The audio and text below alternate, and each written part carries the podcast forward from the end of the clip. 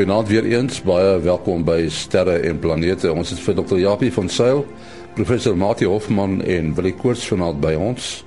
Natuurlik is daar ruimte nuus en natuurlik nuus oor die ruimte weer wat vir ons verskaf is deur Kobus Okkers in Florida, Amerika. Maar eers ruimte nuus geskryf deur Herman Turin in Bloemfontein. Met 'n geraamde oppervlakte temperatuur van 454 grade word Venus as die warmste planeet in die sonnestelsel beskou. Sy dikke atmosferiese druk op die oppervlak is 90 keer so hoog as op die aardoppervlak, of gelykstaande aan die druk ongeveer 'n kilometer onder die see. Die kweekhuiseffek word as die hoofoorsaak van die geweldige hitte beskou. Nou het 'n span navorsers wat data van die Europese Ruimteagentskap gebruik het, tot die verrassende gevolgtrekking gekom dat dit by Venus se pole ysig koud is. Baie kouer as wat ons op Antarktika of by die Noordpool ken, met temperature wat tot -273 grade Celsius daal. Die data is van ESA se tuig Venus Express bekom. Hoewel kontak 2 eh, jaar gelede met die tuig verbreek is, neem dit baie langer om al die data te verwerk. Met die tuig se brandstof feitelik gedaan, is die tuig op sendings in Venus se atmosfeer gestuur in 'n proses wat as lugremming bekend staan. Van hierdie duikslae in die atmosfeer is ook oor die pole gedoen. Die metings wat die ysige koue opgelewer het, is op 'n hoogte van 130 tot 140 km geneem. Hoewel die New Horizons tuig reeds so wat 250 km verby Pluto en sy maane is, stuur dit steeds verstommende data en fotos na die aarde toe terug. Onder die jongste tel verskeie vulkane in 'n gebied wat informeel as Vega Terra bekend staan en waar die kraterrande met helder metaanys versier is sodat die krater so straalekranse lyk. Die vraag is hoekom ook ander kraters op Pluto nie oor straalekranse beskik nie. Tot sover ruimte nuus, geskryf deur Herman Turin in Bloemfontein. En nou skakel ons oor na Kobus Olkers vir ruimte weer. Kobus. Ja, mense sou kon sweer dat hierdie son besig is om op pad is om op pad te wees na 'n maksimum toe in plaas daarvan dat hy op pad is na 'n minimum toe. Hy so besig. Uh, ons het hierdie week 'n sonsektor kruising gehad, ehm um, waar die makropolariteit van noordwaarts na suidwaarts gegaan het en ons het wel ook dan hier so teen donderdag vir ons 'n paar uh, magnetiese stormpies gesien in die aarde se magneetveld nee, mense naby die pole het natuurlik pragtige auroras gesien, maar nou ja, dit is ons nie beskore nie.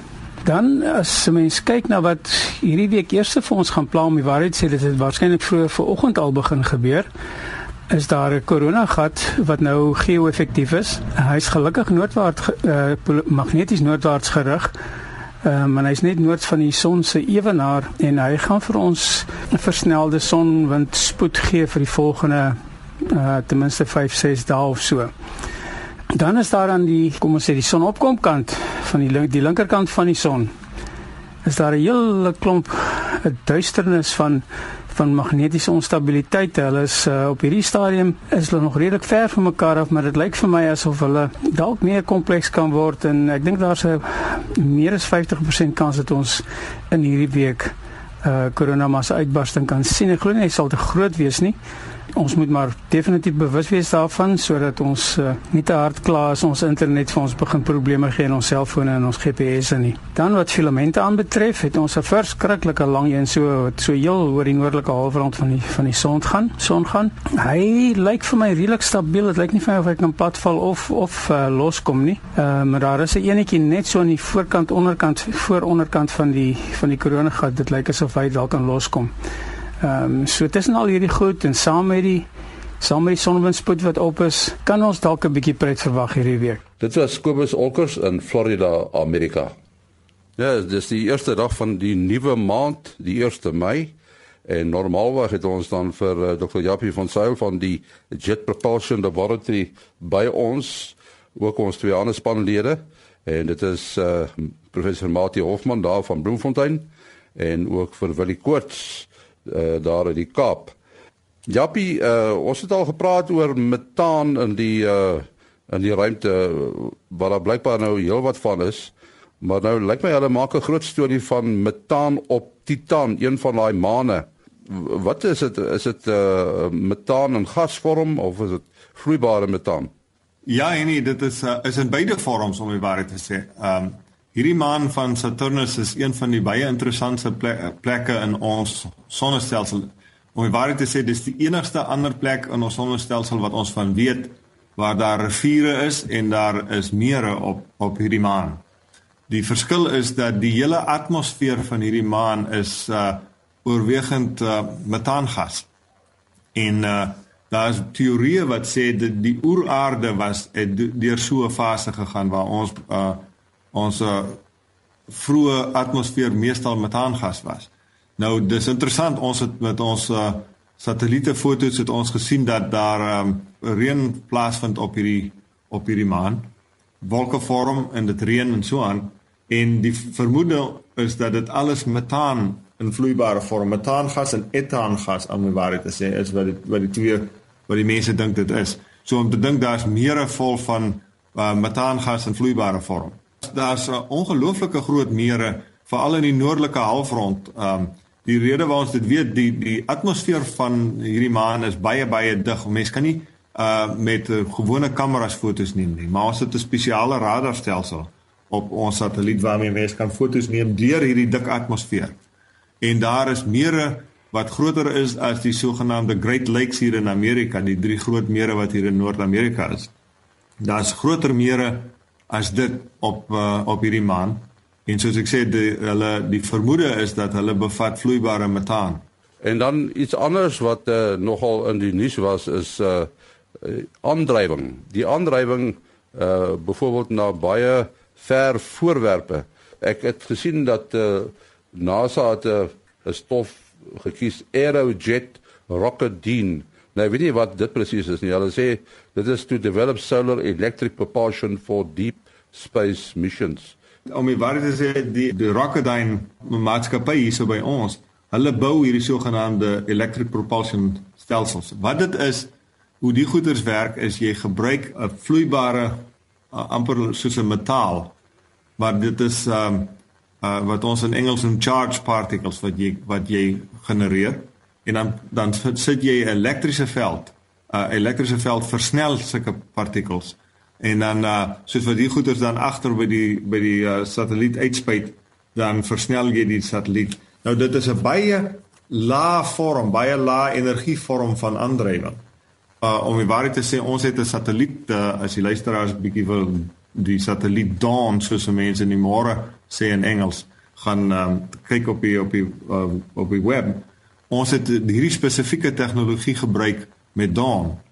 Nou, soos ek sê, is 'n baie lae vorm van aandrywing. Die aandrywing wat ons gebruik is ongeveer dieselfde sterkte as wanneer jy 'n pen in jou hand voel lê. Daai daai soort van drukking is wat ons op hierdie satelliet toepas, maar jy pas dit oor 'n baie lang tyd toe. So met die gevolg is jy stoot hom nou stadig maar seker vinniger en vinniger en vinniger. En met hierdie tegnologie het ons van die aarde afgevlieg na eers na Vesta wat die tweede grootste asteroïde is. En ons het in Vesta uh, 'n baan om Vesta gegaan vir 'n paar jaar, dit baie fyn bestudeer en toe het ons weer met hierdie selfde stelsel daarvan af weggevlieg en na Ceres toe gegaan wat die grootste asteroïde is. En ons het on, in 'n baan om Ceres gegaan. Dit was die eerste keer in die geskiedenis wat ons 'n satelliet van die aarde af gelanseer het en twee verskillende plekke, soos amper soos jy in die science fiction fliek sien wat 'n mens nou jy weet die planeet weer verlaat. Ons is nou net klaar by Ceres en ons het nog genoeg brandstof oor dat ons nou dink ons gaan nou na 'n uh, 'n volgende uh, asteroïde toe vlieg waar ons dan 2019 sal aankom. So dit is 'n tegnologie wat uh, wat hulle nou aangekondig het as ons mense wil Mars toe vat dan dan ons stelsels nodig wat ons dan 'n bietjie meer aandrywing kan gee as net die die ekwivalent van 'n pen wat in jou hand lê. So hulle gaan nou groter stelsels vir ons bou en dan sal ons hulle nou in die toekoms gebruik om satelliete dan dan kan jy vinniger by byvoorbeeld by Mars uitkom. So op met daardie tegnologie dink ons ons sal so ongeveer 5 maande kan vat en dan kan ons by Mars uitkom. Uh, so wat is die verskil uh die verskil tussen hierdie en en 'n ion motor of is dit maar dieselfde het hulle min of meer dieselfde stiekrag dit dit is dit is basies dieselfde uh, dit is basies uh, ion en uh, engines wat hulle bou daar is natuurlik uh, verskillende soorte ion engines wat mense bou ons gebou die sogenaamde Hall effect uh engines hier by by JPL en hulle bou is 'n uh, 'n klein verskillende maniere as ons nou. Ja, ek uh, Japie, ek wonder nou net uit nou gepraat van die baie metaan wat daar op 'n plek soos uh, Titan is. Uh mens sou nie van daardie metaan vuur brandstof kon maak nie. Uh mense het al voorheen uh daar's 'n 'n konsep van 'n sogenaamde hulle noem hulle ramjets wat uh wat mense voorgestel het. Uh basies sal hulle dan ook so elektromagnetiese veld gebruik om uh amper soos 'n stofsuier soos wat jy deur die ruimte vlieg, dan suig jy goed soos waterstof en so aan op. En dan gebruik jy dit as jou um, as jou brandstof. Die probleem is die ouens het bereken soos hulle nou die berekenings gedoen het, hulle het aangeneem daar's baie meer ehm um, waterstof en so aan beskikbaar in die ruimte as wat daar werklik is. As jy die berekenings baie um uh, you know uh, omkeerig gaan doen en versigtig gaan doen, dan besef jy uh, jy het so 'n groot stofsuier so inlaat nodig om om genoeg um waterstof en so aan op te suig dat jy um op die oomblik dit dit werk meer soos 'n valskerm jy, jy sal jy sal stadiger gaan in plaas van vinniger gaan. maar as ou natuurlik by byvoorbeeld by Titan kan verbyvlieg en deur sy atmosfeer net vlieg en dan met so 'n uh, stofsuier 'n spul van hy metaangas opsuig. Ja. ja, dan kan 'n man natuurlik nou weer 'n bietjie verder ry daarvan af. So dan kan jy so van dink as dit se dis ons sonnestelsel se petrolstasie daar. dit klink baie opwindend. Uh, uh, uh, ja, ek, ek herinner my nou baie goed in uh, ek dink dit was Januarie 2004 toe die Huygens-tuig deur die Cassini tuig vrygelaat is en hy toe mos nou daar deur die digte atmosfeer van Titan uh geval en vir die eerste keer kon hulle toe nou fotos neem wat nou daardie mere en riviere gewys het. Maar ek het destyds as ek reg herinner my reg herinner gelees dat daardie Huygenstuig wat deur die Europeërs gebou is, het twee kameras gehad. Die een was nou ja, hy moet ten minste een kamera hê en dan was daar nou nog een net vir ingeval die ander een nie werk nie en die een het hulle vergeet om uh aan te skakel. Gelukkig het die hoofkamera toe gewerk, maar die een wat nie aangeskakel het nie te doen gehad met die kompleksiteit van kommunikasie tussen die uh mense van NASA en die Europeërs. Uh, klink klink die storie vir jou reg? Ek onthou, ek probeer nou terugdink, daar was so 'n bespreking op 'n stadium, maar as ek reg onthou, het ons die probleem opgelos voordat ons die die uh, uh die die die tuig vrygelaat het. Maar ek onthou daar was so 'n probleem dit was ongelooflik en en daar's natuurlik 'n baie mooi foto wat die kamera geneem het so op die oppervlakte van so jy weet soos wat hy op die oppervlakte lê die tuig. Uh maar mense jy weet dit lyk so 'n um, oranjerige kleur wat wat die lig daar is. Ja, hy kon nie hy kon nie lank oorleef daar op die op die oppervlak van Titan nie. Waarskynlik omdat dit so vreeslik koud is daar. Ja, en uh, en natuurlik hy daar's te min sonlig om om krag op te wek en so aan. So hy het net so onge, ongeveer as ek reg onthou 'n uur of so uit hy geoorleef nadat hy geland het. Nou natuurlik die die hele idee agter hierdie tuig was om 'n profiel deur die atmosfeer te te neem. So die feit dat hy na 'n uur dood gegaan het uh, was alright want ons het toe reeds al die al die metings gedoen. Ja, maar hy het, hy het 7 maande 7 jaar lank gereis en toe en toe hy Ja, dis natuurlik die probleem met hierdie afstande, dit vat baie lank om daar uit te kom. Goed, ons praat nog steeds oor aandrywing. Die sogenaamde Breakthrough Starshot projek. Ja, jy vertel ons daarvan? Ja, dis natuurlik nou nie lank gelede nie het, het hulle hier aangekondig van die Breakthrough Starshot soos jy sê. En dit is 'n nuwe uh, ek so ek moet sê dis nie 'n nuwe idee nie maar dis 'n nuwe poging om om, om 'n ou idee weer bietjie voor te neem en 'n uh, 'n prototipe te probeer bou. Die idee agter hierdie storie is as jy 'n laser uh, of enige enige vorm van lig op op 'n spieël skyn. Die lig weerkaats van die spieël af. Nou op aarde, jy weet dat ons baie weerstand en so aan so dit dit veroorsaak geen meetbare uitwerking op die spieël as jy nou die, die lig op hom skyn nie. Maar as jy in die buitenste ruimte is waar dit basies vakuum is, as jy op die aarde sit met 'n laser en jy skyn dit op so 'n spieël, dan in uh teoreties kan jy dan die spieël beweeg. Die lig wat van die spieël af weerkaats uh veroorsaak drukking op die spieël en dan kan die spieël beweeg. Nou daar was alreeds um sogenaamde solar sails wat mense gebou het wat die partikels wat van die son af uitgestraal word dan deur so 'n groot seil sal jy sal ek maar sê vang en dan gebruik jy dit nou om die, om die, om die satelliet aan te aan te dryf. En ons het al reeds so 'n klein satelliet gebou hier by JPL wat oor 'n paar jaar gelanseer sal word en ek weet mense in Suid-Afrika het sogenaamde CubeSats al uh, ook gevlieg wat hierdie tegniek gebruik het. Nou wat hierdie ouens nou voorstel is om lasers te gebruik om dit te doen, nie die sonlig nie. En teoreties gesproke, as jy 'n sterk genoeg laser het, nou om jou idee te gee hoe groot laser jy nodig het, jy het 'n laser nodig wat ongeveer 10 km in deursnit is en hy moet so ongeveer 60 tot 70 gigawatt. Dis nou wat ek nou reg onthou, dis 1000 miljoen watt moet hy nou uitstraal. En dan kan jy 'n satelliet wat uh, 1 gram weeg as jy 'n spieël het wat ongeveer 1 meter groot is. Nou onthou, die spieël en in, in die hele satelliet moet 1 gram weeg. Dan kan jy daai satelliet aandryf tot ongeveer 30% van die spoed van lig. So En dis alles natuurlik teoreties baie moontlik om dit te doen.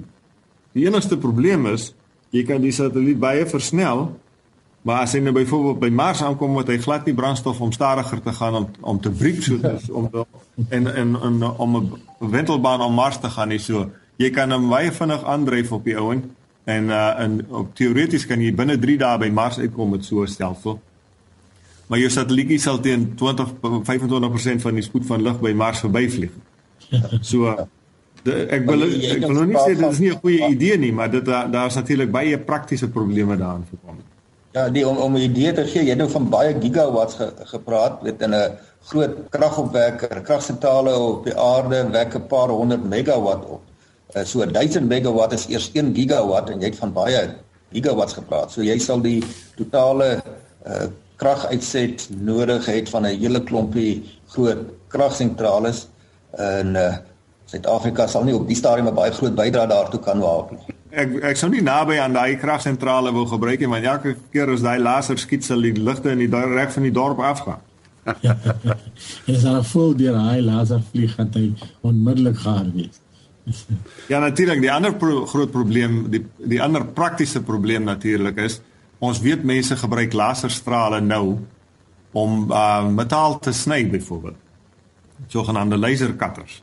Ja. Uh hulle is baie hoë intensiteit uh lasers, maar nie naaste by wat hierdie wat hierdie uh soort van goed is nie.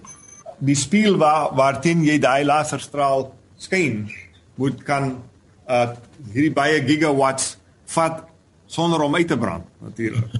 Dit sal nou nie 'n goeie plan wees as jy die eerste slag die laser aanskakel en jy brand die hele satelliet uit. Ja, dit klink vir my baie teoreties, ja. nê. Nee. Ja.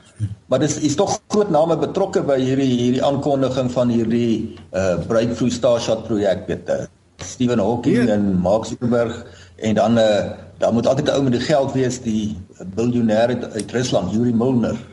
Yuri Milner is natuurlik die ja, maar kyk uh, dit is dis soos ek sê teoreties van van 'n fisika punt af is dit heeltemal um moontlik om hierdie ding te doen. Dis wat ons hier by JPL noem die die fisika werk, nou sit net die ingenieurswese wat jy moet uitwerk om om die ding te laat werk. So uh dit is teoreties moontlik, maar miskien het hierdie ouens uh, kom hulle met 'n slim idee voor 'n dag hoe om so 'n vreeslike laser te bou en uh die regte materiale waarmee mense die goeders kan vang. Dan moet hulle nog net uit uitfigure hoe gaan hulle op die ouens stop as hulle by 'n ander plek uitkom. Ongelukkig moet ons ook stop. Ja, by jou besonderhede. My uh, e-posadres is yapijpl@gmail.com. yapijpl@gmail.com. En wat is? En selfoon 0724579208. 0724579208. En dan Mati? Uh selfoonnommer 0836257154. 0836257154. En uh, my e-posadres is maas.henny@gmail.com. maas.henny@gmail.com. Volgende week kuier ons weer saam. Tot dan, mooi loop.